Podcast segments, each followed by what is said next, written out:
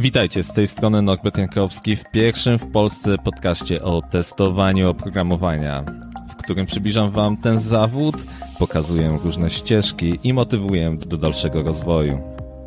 Sponsorem podcastu jest szkoła testera.pl. Lecimy!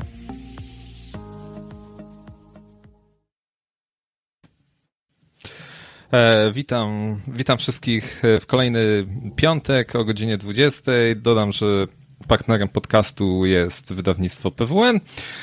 I e, dzisiaj używam nowego oprogramowania, więc jeżeli e, możecie, to dajcie znać, czy mnie słychać, widać. Będę Wam wdzięczny.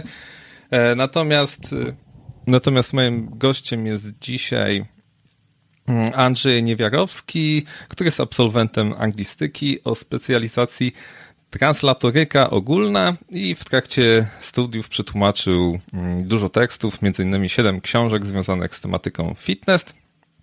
Natomiast e, ma 13-letnie doświadczenie jako technical writer, o którym dzisiaj opowie.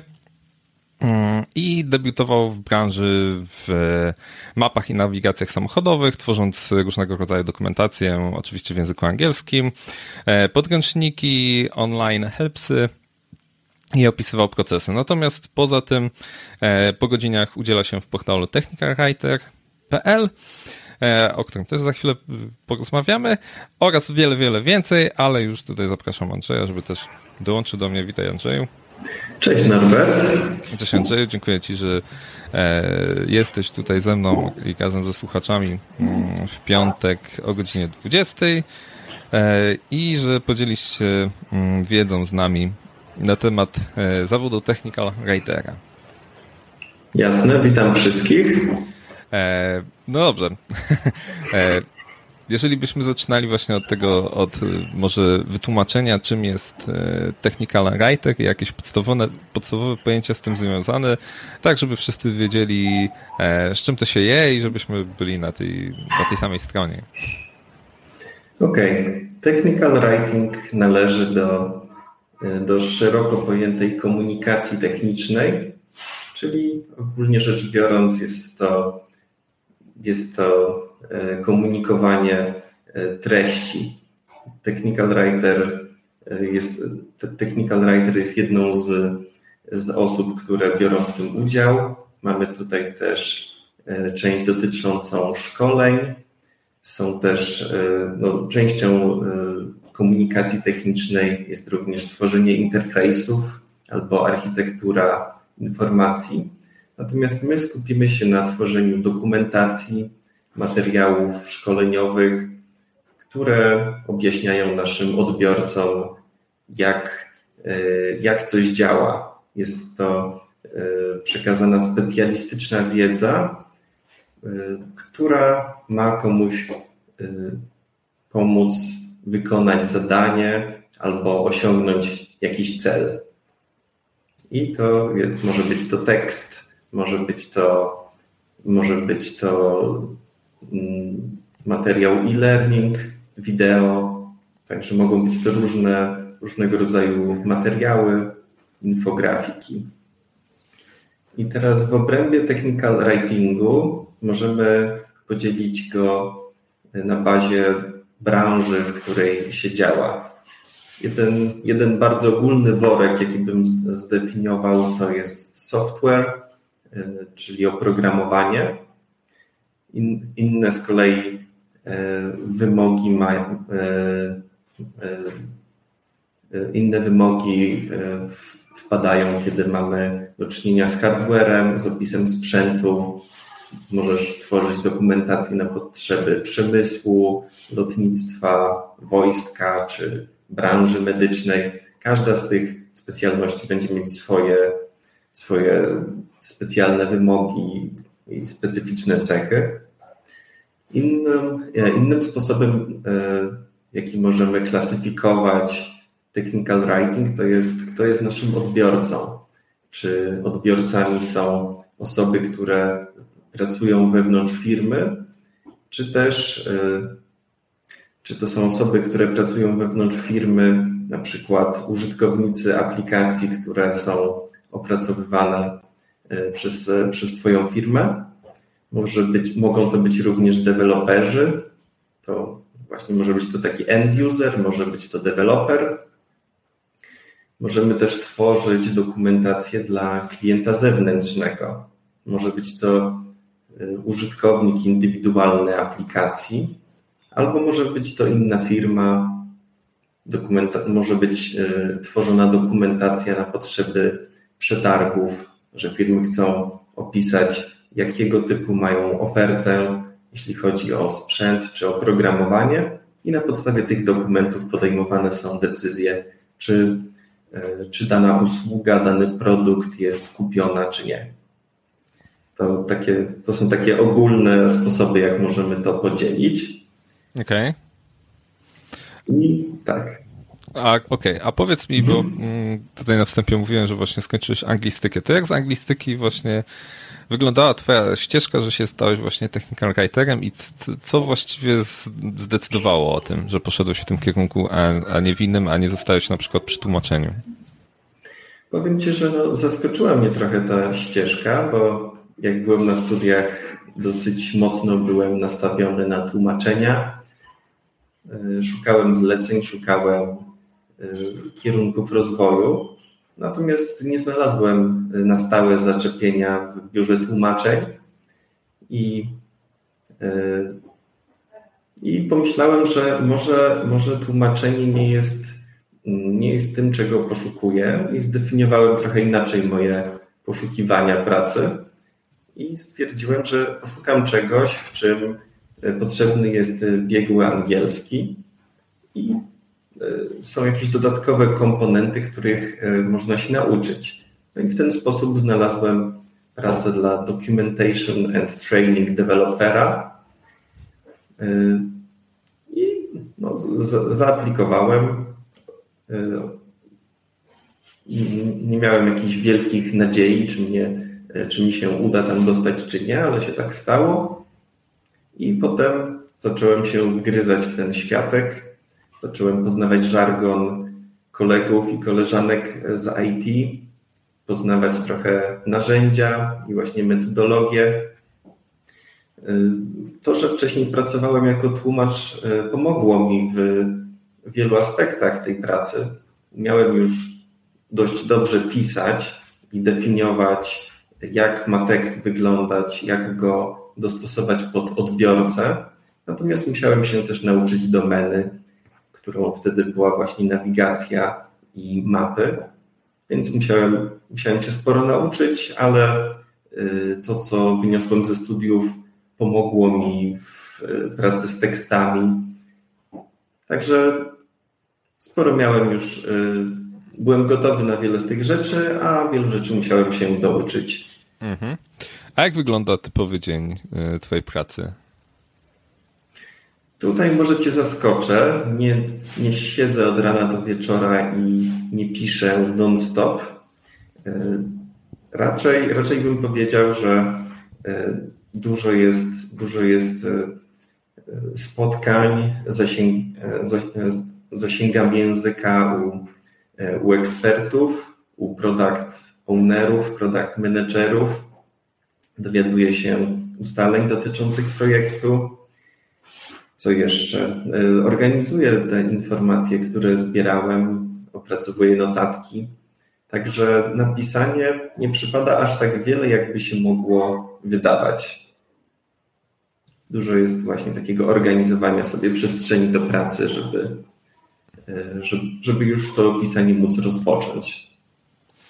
Okej, okay, czyli taki mm, wszystko wokół dokumentacji, a jak już jest wszystko gotowe, to dopiero się bierze za tworzenie tej dokumentacji, mm, która jest zarówno dla klienta albo wewnętrznego, albo zewnętrznego.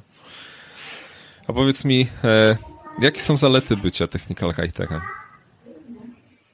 Jeżeli lubisz, e, jeżeli lubisz pisać, jeżeli lubisz kontakt z ludźmi, to jest to taka rola, w której jesteśmy w kontakcie z wieloma, z wieloma osobami, więc jest to, jest, jest to fajny aspekt, ale jest też harmonia. Z jednej strony musisz się kontaktować, zwłaszcza na początkowej fazie projektu.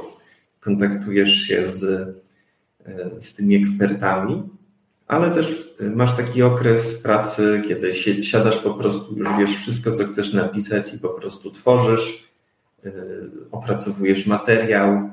Także jest taki balans między pracą własną, a pracą wymagającą spotkań.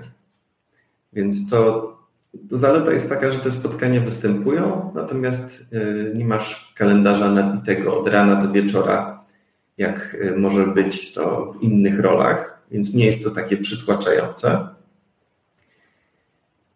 Także to jest, to jest fajne. Y, można pracować zdalnie. To jest duży, duży atut.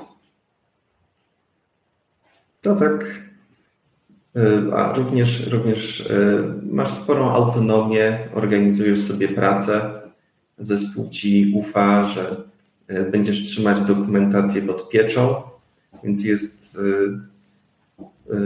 jest właśnie taka atmosfera, atmosfera autonomii i, i takie poczucie, że jest się, jest się tą, tym profesjonalistą, który odpowiada za dany wycinek całego projektu, że ta dokumentacja jest częścią, e, częścią całego projektu. Mhm. A powiedz mi, tak jak mm, powiedziałeś, czym się zajmujesz, to jaka jest różnica między właśnie tłumaczem, technical writerem, a UX-owcem? Okej. Okay. Najłatwiej jest mi skontrastować tłumacza i e, technical writera, Y, zarówno tłumacz, jak i technical writer posługują się słowami i opisują, opisują rzeczywistość, natomiast proces pracy tłumacza y, w wielu przypadkach jest taki, że otrzymuje on gotowy tekst i na tej podstawie tworzy, tworzy swoje tłumaczenie. Wiadomo, tutaj jest, mogą być różne, różne sposoby organizowania tej pracy, Natomiast y, podstawowa różnica, którą widzę z doświadczenia mojego, kiedy pracowałem jako wolny strzelec, jest właśnie taka, że tłumacz dużo się zastanawia nad tym, co autor miał na myśli. Nie wszystko y, jest krystalicznie jasne w tekstach, więc to, to uważałem zawsze za minus. Natomiast jeśli jesteś technical writerem, to, jesteś współautorem tekstu i razem ze wszystkimi uczestnikami procesu ustalasz, co powinno być napisane, w jaki sposób, e, dowiadujesz się, jakie są priorytety. E, ciekawe porównanie jest też, jeśli spojrzymy na technical writera i UX writera. UX writer jest to osoba, która tworzy E, wszelkiego typu teksty, które widzimy w przyciskach, e, jakieś, jakieś pola, gdzie znajduje się tekst. Mm, mogą być krótkie komunikaty i zarówno, zarówno TechWriter, e, no, obie te role pracują ze słowami, ale w trochę inny sposób. UX-owcy, z tego co się ostatnio nauczyłem, dużo stosują statystyk i porównują czy użycie konkretnego słowa e, wyjdzie na plus, czy na minus, czy jest e, łatwiej zrozumieć i przyswoić ten tekst. Dlatego myślę, że technical writerzy mogą się sporo nauczyć o takich metodach analizowania e, od UX writerów, w jaki sposób ustalić, czy lepiej jest napisać, napisać do, czy perform, czy execute. Więc to jest, e, to jest dość ciekawe. Także chyba skontrastowałem właśnie z tłumaczem, z UX-owcem. Mhm. To chyba wszystko. A powiedz mi, gdzie Technical Hightech ma wpływ e, na dokumentację? Na dokumentację, czy może, może trochę szerzej? E, trochę szerzej w sensie. Mhm. Bo na dokumentację, na dokumentację ma spory wpływ, ale to nie jest jedyna jego strefa wpływów. Technical Writer może zauważyć buga, błędy w aplikacji, jakieś dziwne działanie. W momencie, kiedy aplikacja jest, jest jeszcze w fazie testów, może być pierwszym testerem nawet i pierwszym użytkownikiem, więc może również dać uwagi na temat e, user experience, e, czy aplikacja jest, działa w sposób zrozumiały dla użytkownika i w wydajny sposób. Może też właśnie dać uwagi na temat user interface'u. Do tego może czasami zadać odpowiednie pytania, które pokażą w projekcie, że być może jakiś obszar potrzeba rozwinąć bardziej. Mm, technical Writer może, może mieć też wpływ na bezpieczeństwo. Jeżeli od aplikacji, produktu czy danych zależy bezpieczeństwo użytkownika końcowego, jeśli Technical Writer widzi jakąś anomalię, to jego obowiązkiem moralnym jest e, zgłosić to product managerowi, żeby on stwierdził, OK, jest bezpiecznie, te dane nie spowodują żadnych reperkusji. Także Technical Writer nie tylko, nie tylko poprawia jakość dokumentacji. Mhm. E, a powiedz mi, jakich narzędzi używasz w pracy? W pracy nażywam, e, przepraszam, e, w pracy używam e, narzędzia MATCAP, które służy do structured writing. Pozwala mi na, na strukturyzowanie treści dokumentów w taki sposób, że jest ona zbudowana z takich cegiełek. Jeśli się coś zmieni w kilku dokumentach, jeśli się zmieni jedna z cegiełek, to mogę zmienić tę cegiełkę i ta zmiana będzie, będzie wdrożona nawet w kilku dokumentach, w kilku wersjach tej samej treści, którą tworzę. No i do tego stosuję też takie dość typowe narzędzia, platformy komunikacyjne, takie jak Confluence, SharePoint, OneDrive. Korzystam też czasem z Worda.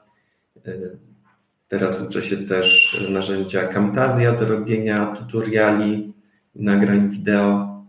I od wielu lat jestem e, fanem Snagita, narzędzia do robienia zrzutów ekranu, rzutów ekranu. Okej, okay, a powiedz mi, jaką taką satysfakcję masz y, z wykonanej pracy? Mam satysfakcję wtedy, kiedy, kiedy razem z zespołem rozwiążemy jakiś problem dla klienta.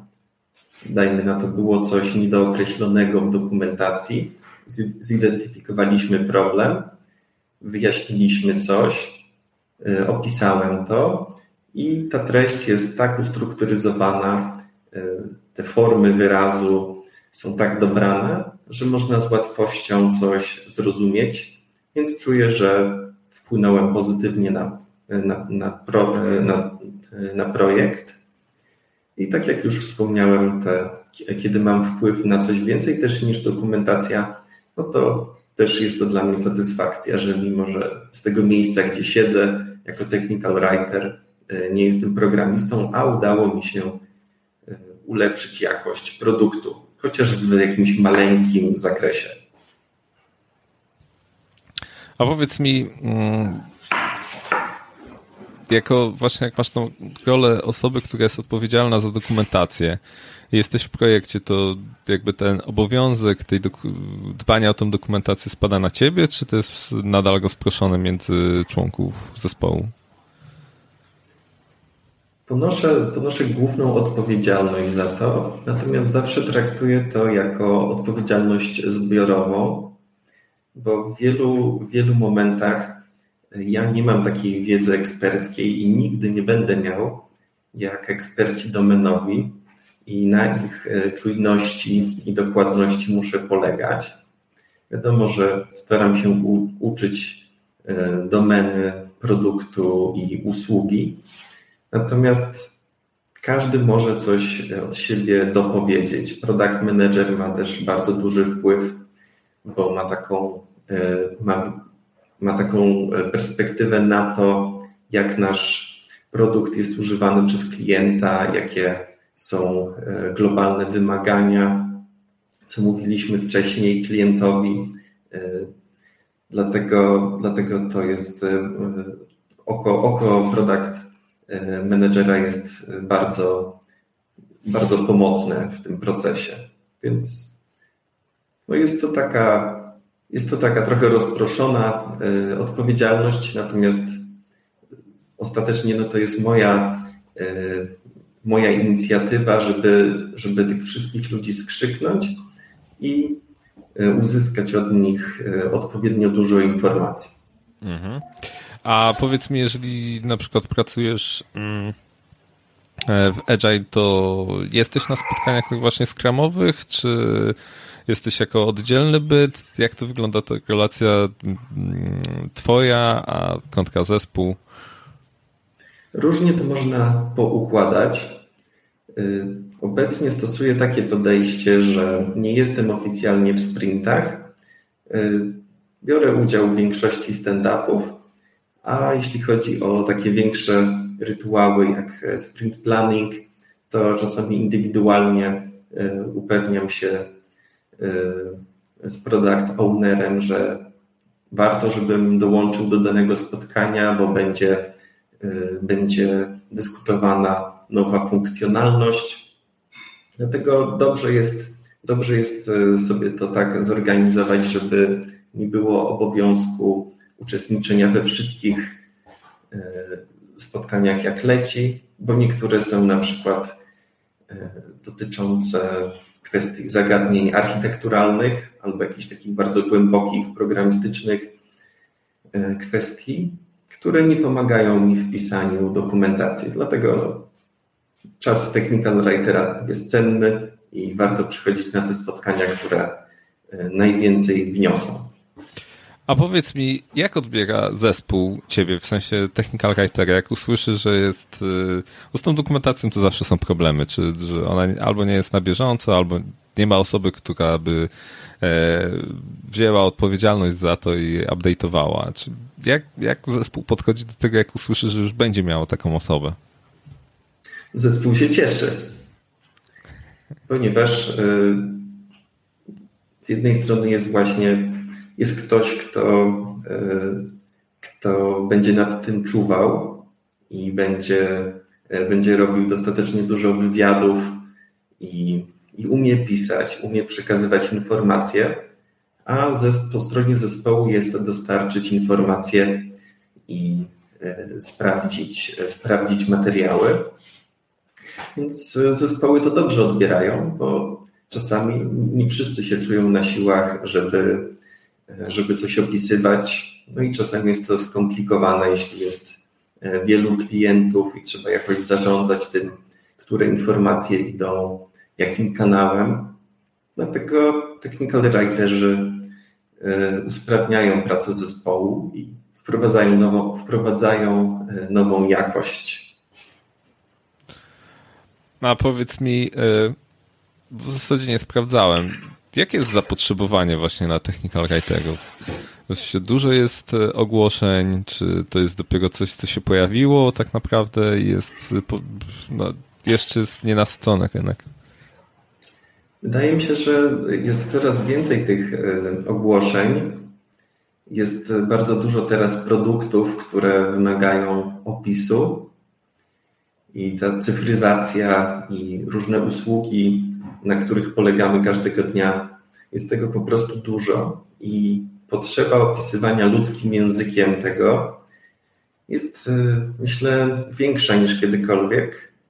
I technical writerzy są bardziej poszukiwani niż wcześniej. Jest, jest więcej, więcej tych e, ofert pracy.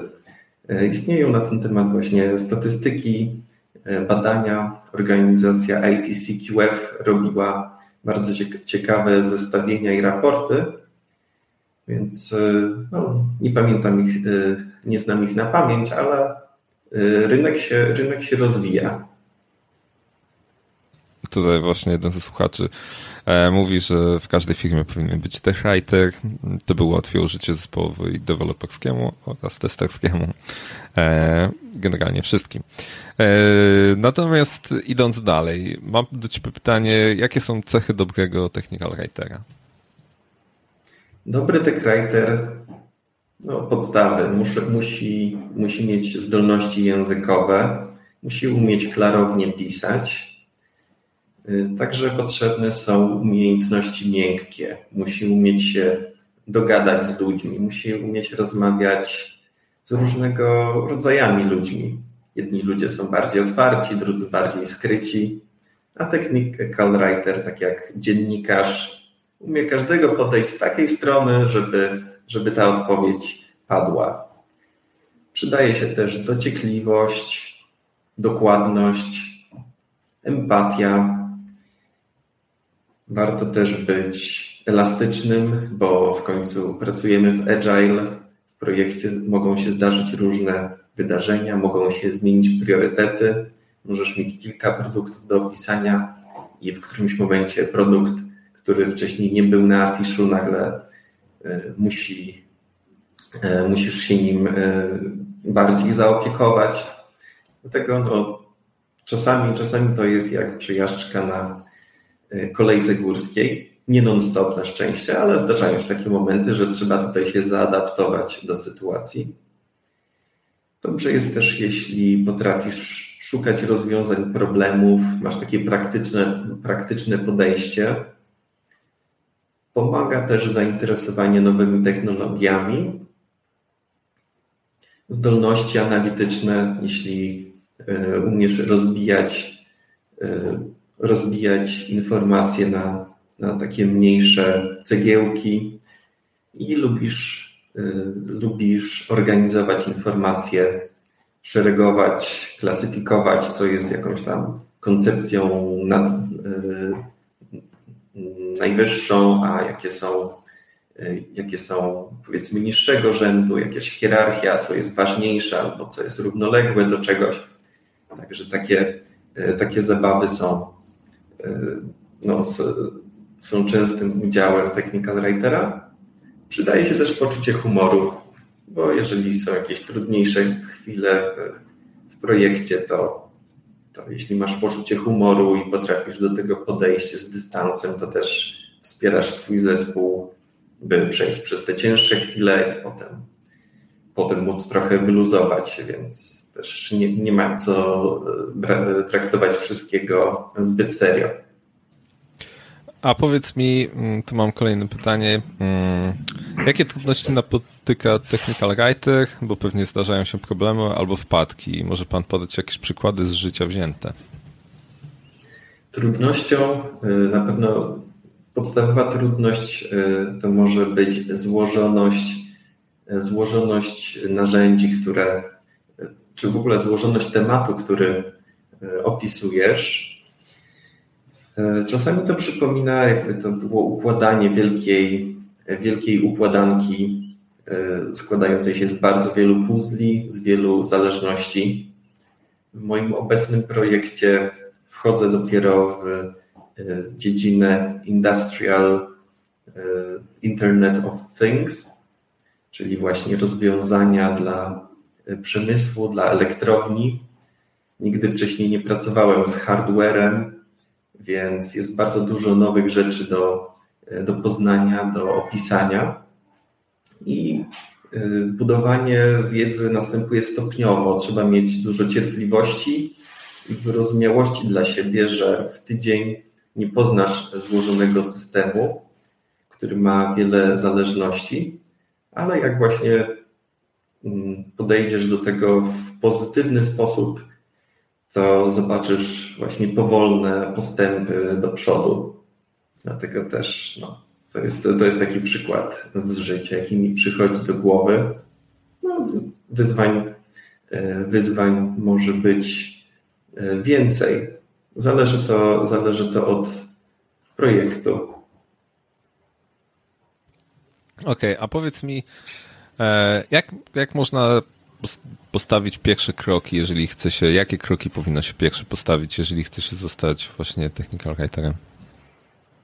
Myślę, że bardzo dobrym pierwszym krokiem jest zapoznanie się z sylabusem ITCQF. Y, to jest taki sylabus, który zawiera podstawy wiedzy y, przydatnej dla technical writerów.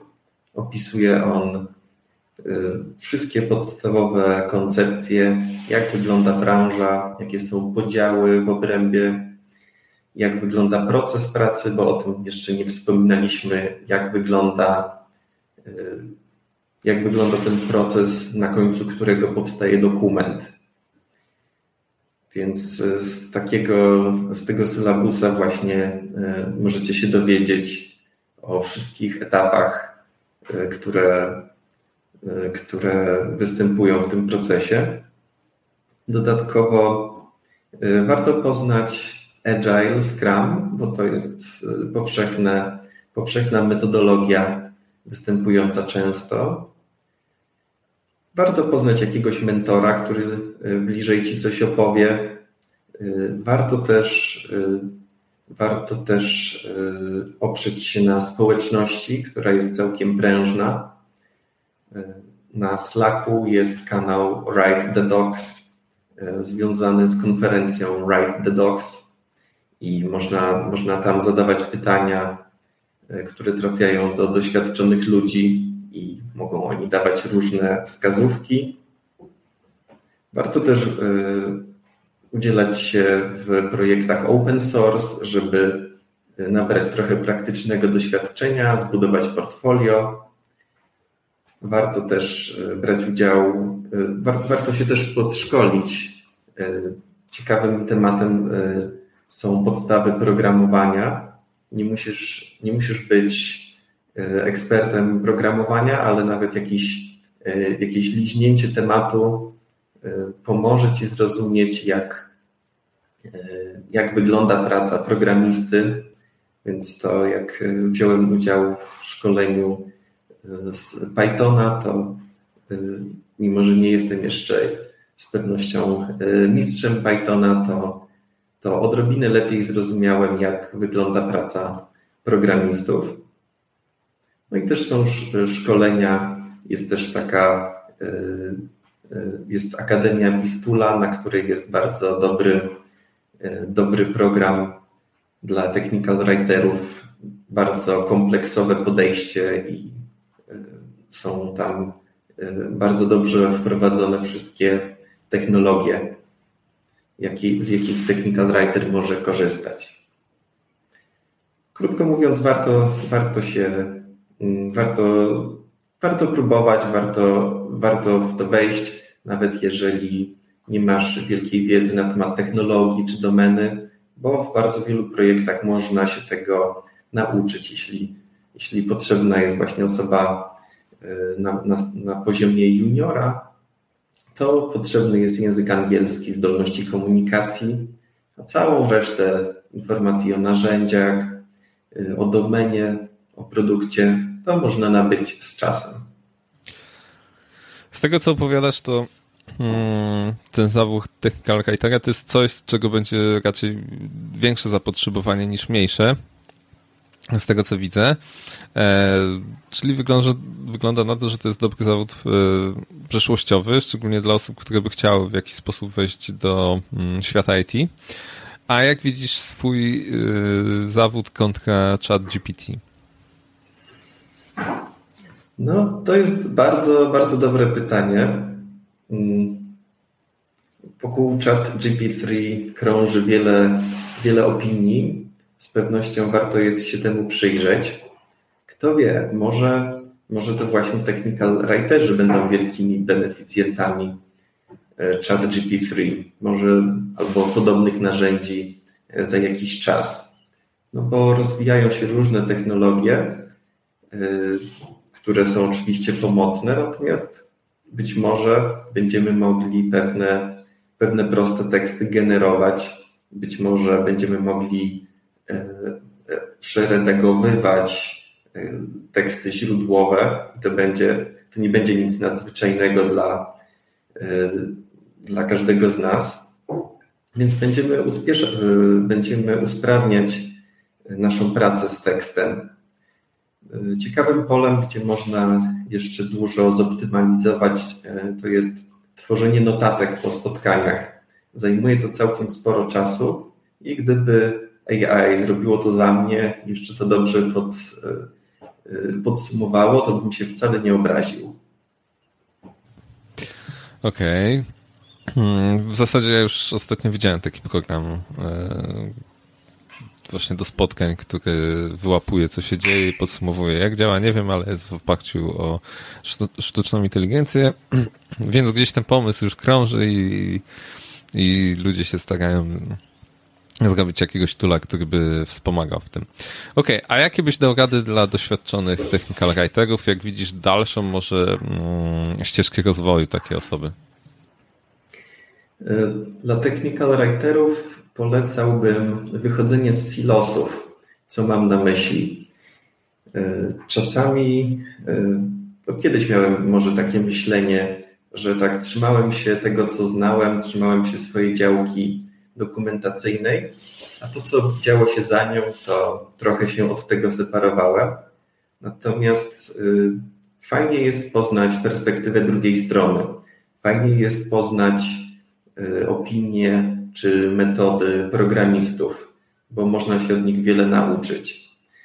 Też y, dużo się można nauczyć od UX writerów, którzy pracują z językiem i no właśnie, to nie jest dokładnie to samo, ale są pewne elementy wspólne i można wyciągnąć bardzo ciekawe narzędzia na nasze, na nasze potrzeby.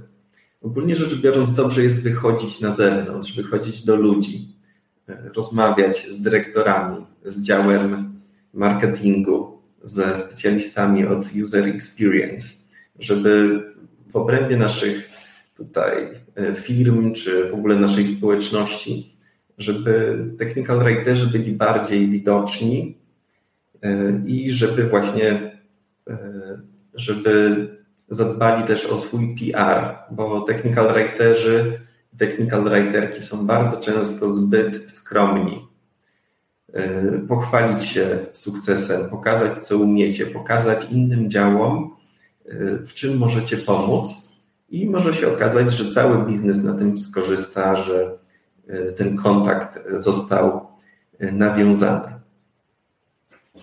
Także myślę, że myślę, że to, to jest to, co chciałbym powiedzieć. No i uczenie się bez przerwy nowych rzeczy, tak jak teraz tutaj wchodzą tematy AI albo uczenie się, uczenie się jakichś e, ciekawych technologii.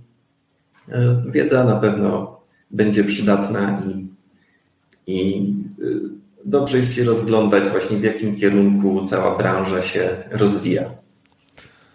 Okej, okay. Mm, teraz byśmy trochę wrócili do dokumentacji i jakbyś mógł powiedzieć, na czym w zasadzie polega wartość do, do, dodana tej dokumentacji, że ona jest i jest tworzona? No właśnie, ta wartość, bo z tą wartością czasami jest problem w dostrzeżeniu jej ale ta wartość jest i jest namacalna, tylko trzeba ją umieć znaleźć i czasami zaprezentować. Przede wszystkim dokumentacja jest, jest narzędziem marketingowym, które świetnie świadczy o, o firmie, która tą dokumentację dostarcza. Dzięki temu firma, na przykład, albo klient indywidualny, który otrzymuje tę dokumentację, ma taką lepszą percepcję tej marki, e, tej, e, tego zespołu, który opracował ten produkt i ma większą wiarę w to, że jeśli jest dobrze, dobrze zarządzana dokumentacja, to jest też dobry przepływ informacji w projekcie i są wszystkie standardy zachowane. Podstawowa korzyść to, korzyść to jest mniej pytań, i mniej reklamacji ze strony klientów.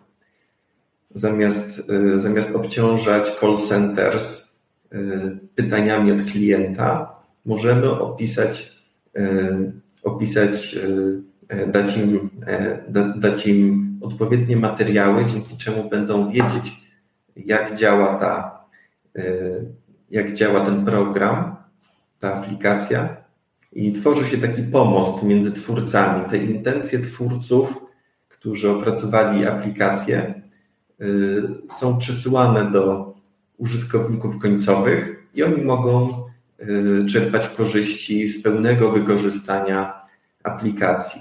I to dzięki temu rozwiązuje ich problemy.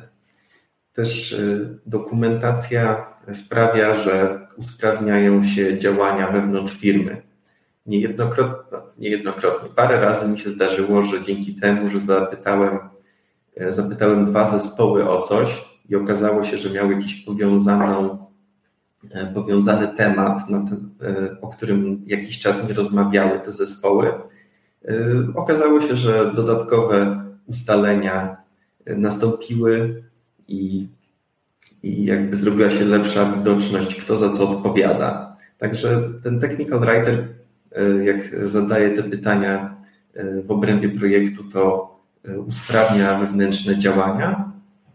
Też często dokumentacja pozwala na uzyskiwanie certyfikatów ISO, na podwyższenie bezpieczeństwa na przykład jest może no, dobra dokumentacja zapewnia bezpieczeństwo użytkownika, urządzeń i czasami dokumentacja jest integralna dla w ogóle y, skorzystania z produktu.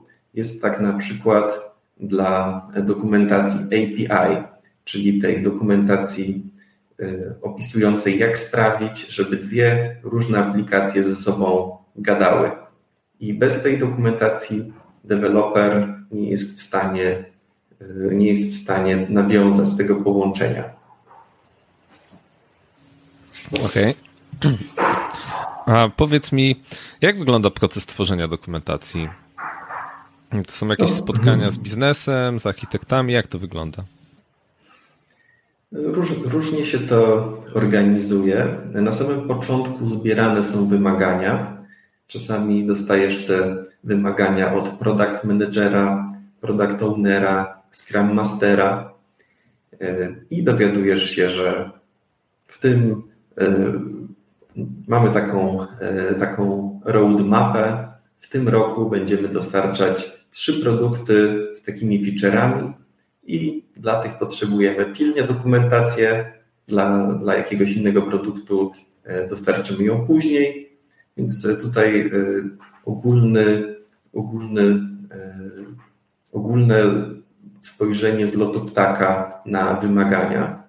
No i kiedy już zidentyfikujemy, co należy udokumentować, e, wtedy technical writer idzie do ekspertów domenowych, idzie do programistów, testerów, specjalistów od jakości, specjalistów operacyjnych, którzy korzystają z aplikacji i zbiera informacje szczegółowe i planuje, w jaki sposób je ustrukturyzuje i w jakiej formie będzie to publikował. Zaczyna się etap pisania. W trakcie tego pisania można się jeszcze konsultować z, e, z ekspertami. Potem jest właśnie e, faza recenzji, i najpierw jest recenzja techniczna przez e, speców wykonywana, potem można zrobić e, recenzję językową. Tutaj pomaga e, zespół dokumentacji. Zespół dokumentacji patrzy pod trochę innym kątem. Stara się sprawdzić, czy tekst, je, tekst jest zrozumiały, czy działa dla odbiorców końcowych. Potem publiku, publikujemy, publikujemy tekst i przyszło y, informujemy o tym. Ważne jest też nie tylko opublikować, ale też zawiadomić o tym, bo jeśli userzy się nie dowiedzą, że jest nowa wersja, to, to cała praca na nic. Także wa, bardzo ważne jest też zawiadomienie o tym, że wyszło coś nowego i y, opisanie w notach wydawniczych, release notes, co się zmieniło, no i w przyszłości proces może się powtórzyć, może przyjść nowa funkcjonalność do opisania, albo możemy stwierdzić, stwierdzić, że coś, co było opisane wcześniej, wymaga uszczegółowienia, więc wtedy zaczyna się cykl na nowo i może powstać nowa, e, nowa wersja dokumentu. A powiedz mi, e, jakie są rodzaje dokumentacji, którą tworzysz? rodzaje. No, e, tworzę na przykład user guide, czy też podręczniki użytkownika. Są to takie, takie instruktarze, jak wykonać jakąś czynność, na przykład jak zainstalować aplikację. To można też e, podzielić No, kiedyś robiłem też online helpy. To było treściowo mogło być to zbliżone, tylko że forma była webowa. Mamy drzewka o kategorii po lewej stronie zazwyczaj i klikasz odpowiednią funkcję y, albo odpowiedni temat, który Cię interesuje i kontekstowo możesz sobie przeczytać o, o jakimś temacie. Y, obecnie też tworzę Knowledge Base, to taką bazę wiedzy na temat produktu, na temat architektury, instalacji, konfiguracji. Są release notesy, o których też opowiadałem. Jest też dokumentacja do API. To to jest taka stricte dokumentacja techniczna dla kogoś, dla eksperta, który wie mniej więcej, znaczy zna, zna produkt, zna proces jego użycia, ale musi sprawdzić jakąś jedną konkretną informację. Inna jest historia, jeżeli tworzysz materiał szkoleniowy. Tutaj nie możesz tego zrobić identycz, w identyczny sposób, czyli po prostu dać listę feature'ów, ale też potrzeba takiego kleju, żeby wprowadzić podstawowe pojęcia na początku, potem dać jakieś przykłady, ilustracje, być może jakieś interakcje, żeby człowiek sobie przeklikał e, i zobaczył albo, e, albo wykonał ćwiczenia na testowych danych.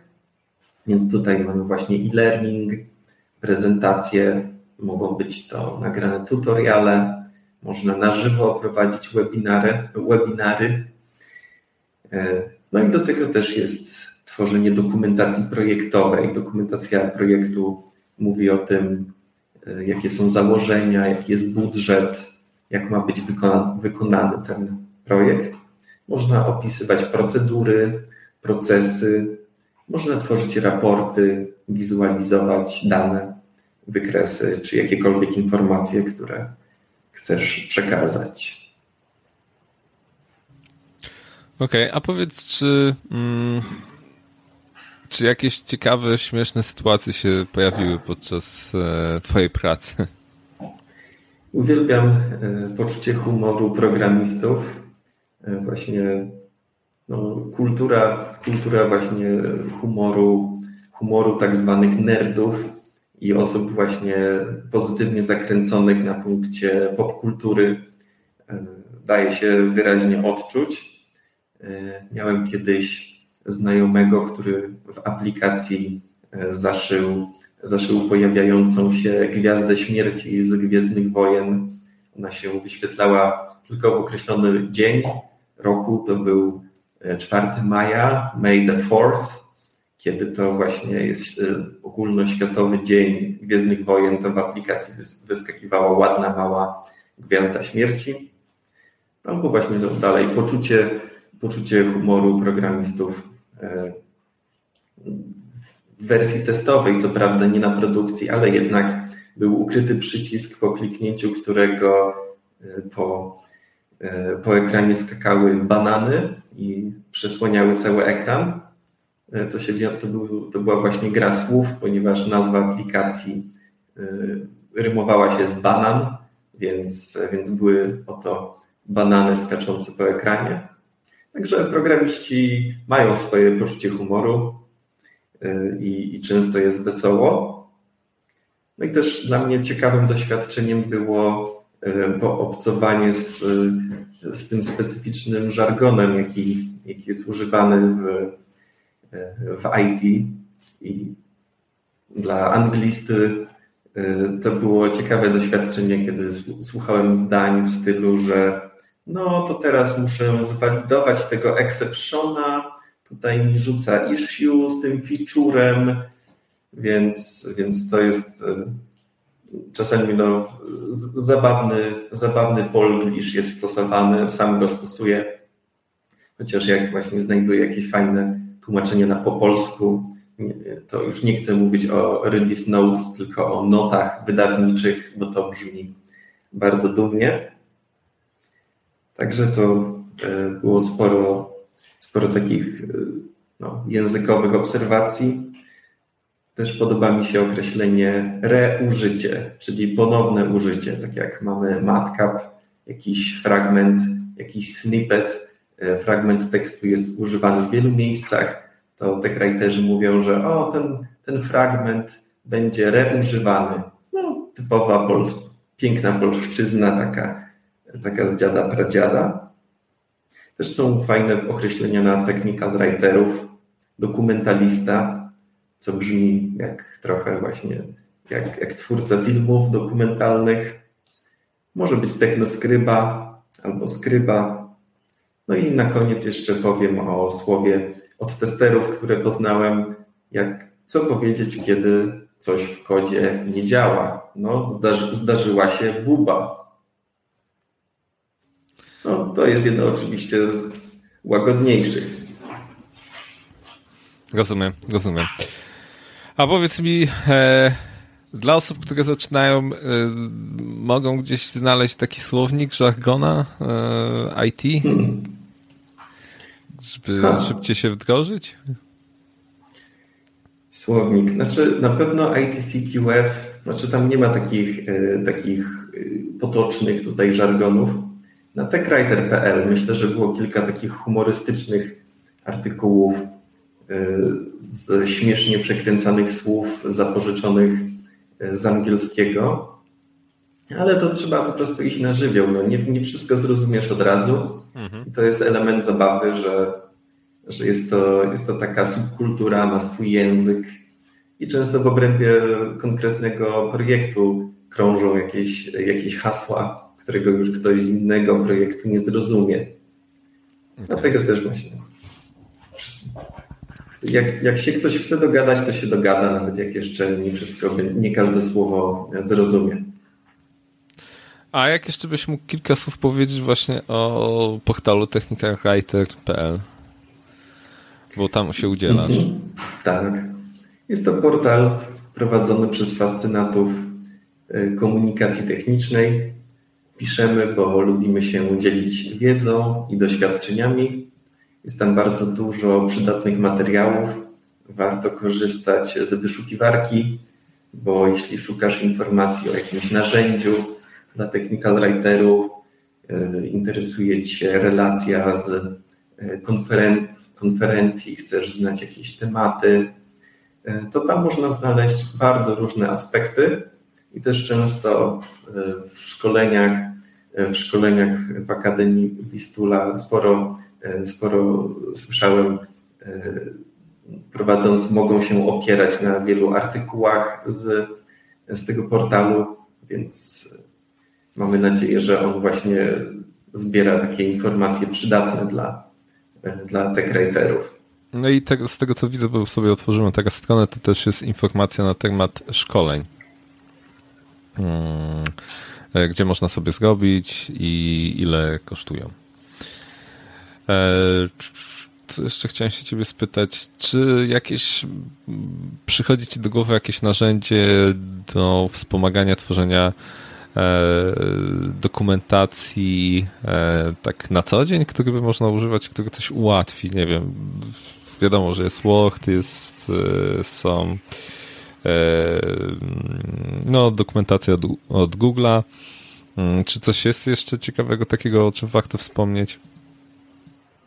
Myślę, że dla technical writerów bardzo ciekawą no, opcją jest to narzędzie, o którym już wspominałem, MatCap, ono właśnie służy do tego structured writing i pozwala, e, pozwala właśnie tworzyć różne wersje dokumentów.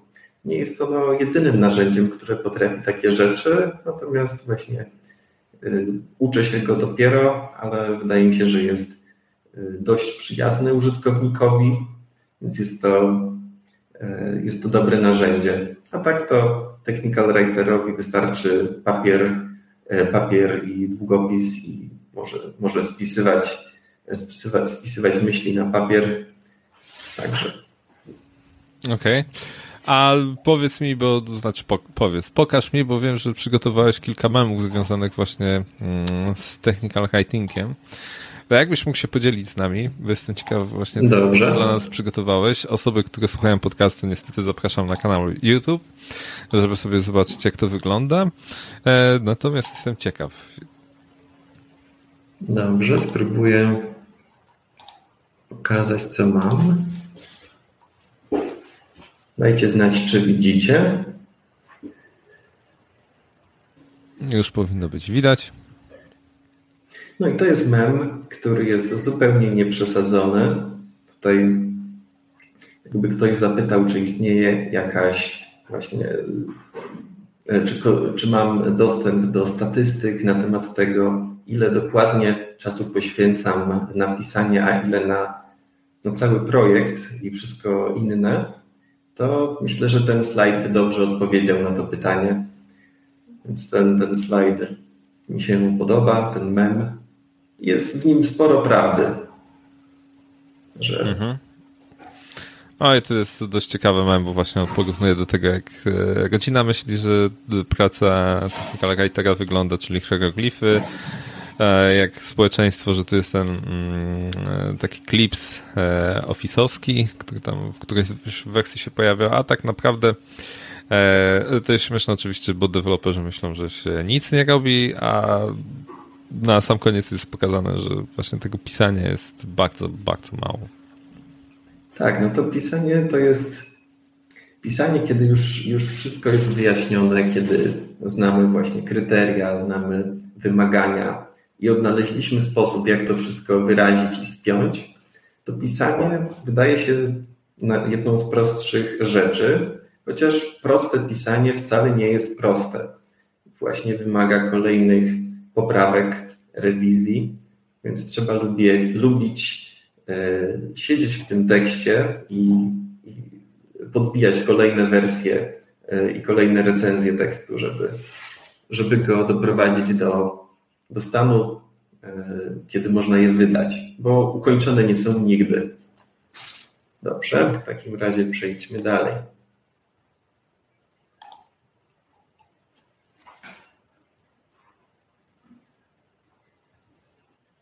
Także technical, technical writerzy uważam wykorzystują bardzo, e, bardzo dużo kreatywności, duże zasoby kreatywności w swojej pracy. Czy jeśli chodzi, jeśli pomyślimy tutaj o tym, e, jak, e, jak wyrzeźbić dobrą ilustrację, która jest zrozumiała, albo jak poukładać tekst, albo jak E, jak rozwiązać, e, jak zarządzać e, komunikacją z zespołem, jak sobie poukładać tą pracę. Jest dużo, dużo rzeczy, które, dużo, dużo problemów, które technical writerzy rozwiązują i okazuje się, że często są w stanie pomniejsze problemy z innych dziedzin także rozwiązywać. Mhm. Także to nie jest, to nie jest tylko takie odtwórcze pisanie, jakby się mogło wydawać. Mhm, I tutaj mamy screen właśnie z Matrixa i Morfeusza. Co, co by było, jakbym ci powiedział, że e, pisanie jest e, pracą kreatywną? Mind blown.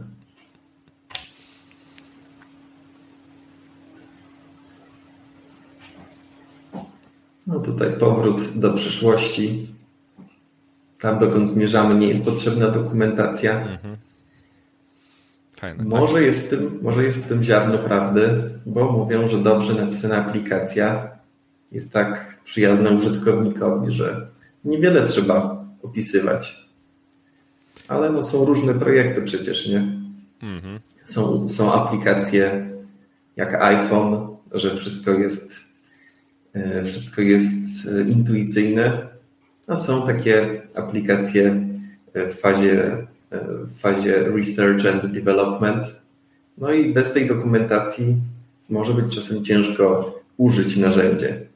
Więc no, myślę, że myślę, że dokumentacja będzie, będzie z nami jeszcze długo, ale kto wie, kto wie, co przyniesie, co przyniesie przyszłość. Mhm. Na przykład, jeżeli chodzi, już wspomniałeś o iPhone'a, to mimo, że jest dużo, ale jest prosty w obsłudze i łatwo się tam przestawić na użytkowanie e, iPhone'a, natomiast jest kilka takich e, trików i smaczków, które są ukryte i szczerze powiedziawszy powiem Ci, że bez ja trafi, trafiłem na taki kanał, który pokazuje, jak tam mm, pewne rzeczy w nim robić, to ci powiem, że no, dotarcie do tych e, do tych smaczków, no, bez, bez pomocy by było ciężko z tym tak po prostu wpaść na to przez przypadek albo po prostu wpaść, że coś takiego można zrobić. No właśnie, więc wydaje mi się, że zawsze jest jakaś wiedza do przekazania i no i też no, te aplikacje się dość dynamicznie zmieniają. Wchodzą po prostu nowe feature'y i jakiś zarząd spółki powie, dobrze, wydajmy produkt, a dokumentację dodamy później, ale to jest zupełnie niedobry, niedobry scenariusz. No właśnie. Bardzo... Mhm. Tutaj mamy komentarz, że szkoda, że czasami dokumentacja jest tworzona nie przed, dewelop mm, przed dewelopowaniem, a mocno w trakcie, a czasem jest dopinana jakby e, po no właśnie, tutaj jest problem tego planowania i tej dynamiki, że jeśli przypomnimy sobie w projekcie o tym, że potrzebujemy dokumentacji za 5 release, za 5 minut release, no to, to osoba, która będzie miała stworzyć tę dokumentację, będzie w dużym stresie i jakość tej dokumentacji będzie niska. Natomiast jeśli się będzie myśleć o tym od początku, będzie dedykowana osoba, która będzie trzymała pieczę, i wkroczy najwcześniej jak się da, bo czasami czekamy też, aż aplikacja y, będzie w ogóle do użycia albo będzie ostateczna jej wersja, żeby zrobić screeny, y, screenshoty. Dlatego no, im szybciej ten, ten TechWriter będzie, będzie wdrożony w to, to tym lepiej.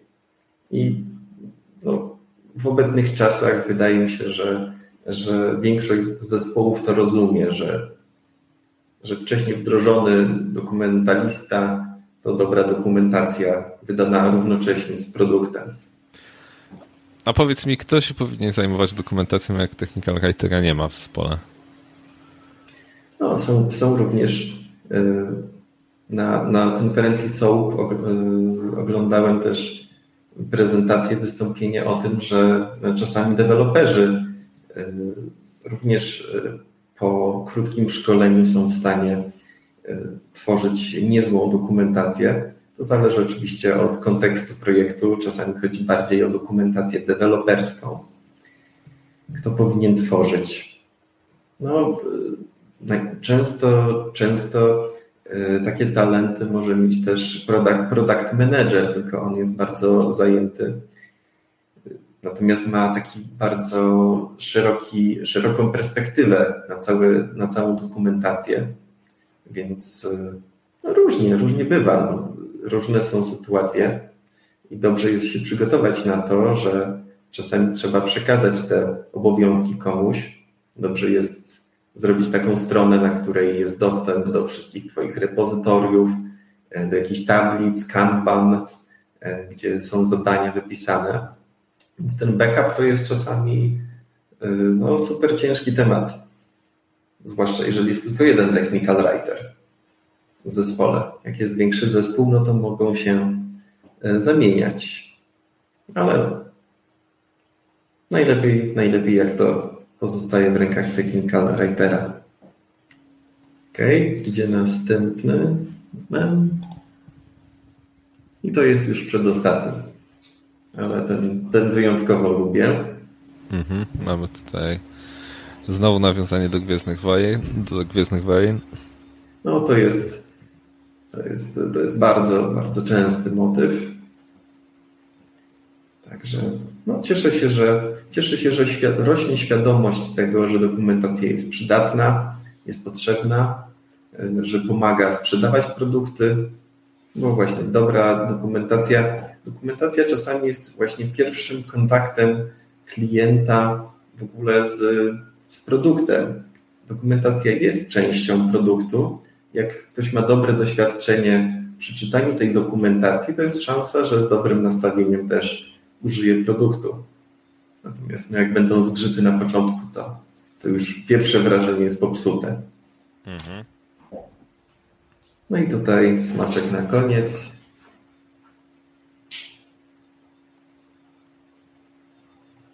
że aktu kwestia aktualności dokumentacji mhm. jest dużym, dużym wyzwaniem. Tak, to jest mem właśnie mówiący, że zaktualizowana dokumentacja jest czymś, co rzadko się widzi. No, powiedzmy. Natomiast oczywiście zapraszamy tutaj do kanału YouTube, żeby sobie zobaczyć. Nie będziemy, nie będę tutaj wszystkiego, w zasadzie nie będziemy wszystkiego zdradzać, żeby właśnie zachęcić też do wejścia i popatrzenia, jak to wygląda. Mm. E, tutaj jeszcze mamy głos od e, słuchaczki, że dokumentacja to dobra instrukcja dla, do, dla nowych pracowników i z tym się zgodzę. Plus, jeżeli e, później jest rozwijana, mm, rozwijane programowanie, to łatwiej się wdrożyć i zobaczyć, co tam się dzieje i co będzie trzeba zrobić, jaki nakład pracy, żeby tam rozwinąć dalej tam mm, ten mm, projekt. Oprogramowanie w sensie. No dobra. E, Andrzeju, ja nie mam więcej pytań do ciebie. Tutaj widzę, że, że pytania na czacie w miarę na bieżąco tam gdzieś e, wplatałem w naszą dyskusję. Mm, ja tu chciałem Ci podziękować, że w piątek e, zgodziłeś się przyjść i poopowiadać właśnie o swoim zawodzie, co robisz, czym się zajmujesz. A... Bardzo dziękuję za zaproszenie. Dzięki, dzięki, że byłeś. Ja tutaj chciałem podziękować słuchaczom, że po raz kolejny w piątek byli razem z nami, posłuchać, e, podsłuchać, dokształcić się, dowiedzieć się czegoś e, ciekawego. No i co, do zobaczenia, usłyszenia e, wkrótce. Dzięki Cześć. wielkie, trzymajcie się. Cześć. Dzięki. Dziękuję Wam, że wysłuchaliście kolejnego wspaniałego, cudownego odcinka i będę na Was zły, jeżeli tego nie polubicie, nie szarujecie, wiecie o co chodzi. To są media społecznościowe, tym trzeba się dzielić, żeby to działało. To będzie dla mnie największa wdzięczność, jeżeli to zrobicie. Oprócz tego pamiętajcie, że prowadzę szkołę testera.pl, gdzie od zera do bohatera mogę Was przeprowadzić przez ścieżkę, jak zostać testerem technicznym. Natomiast zawsze możecie wspomóc tworzenie tego e, wspaniałego podcastu poprzez stronę Patronite lub po prostu klikając w link postaw mi kawę. Natomiast jeżeli jesteście zainteresowani mm, moimi t-shirtami, to zapraszam na fuckit.com.pl. Trzymajcie się, do usłyszenia.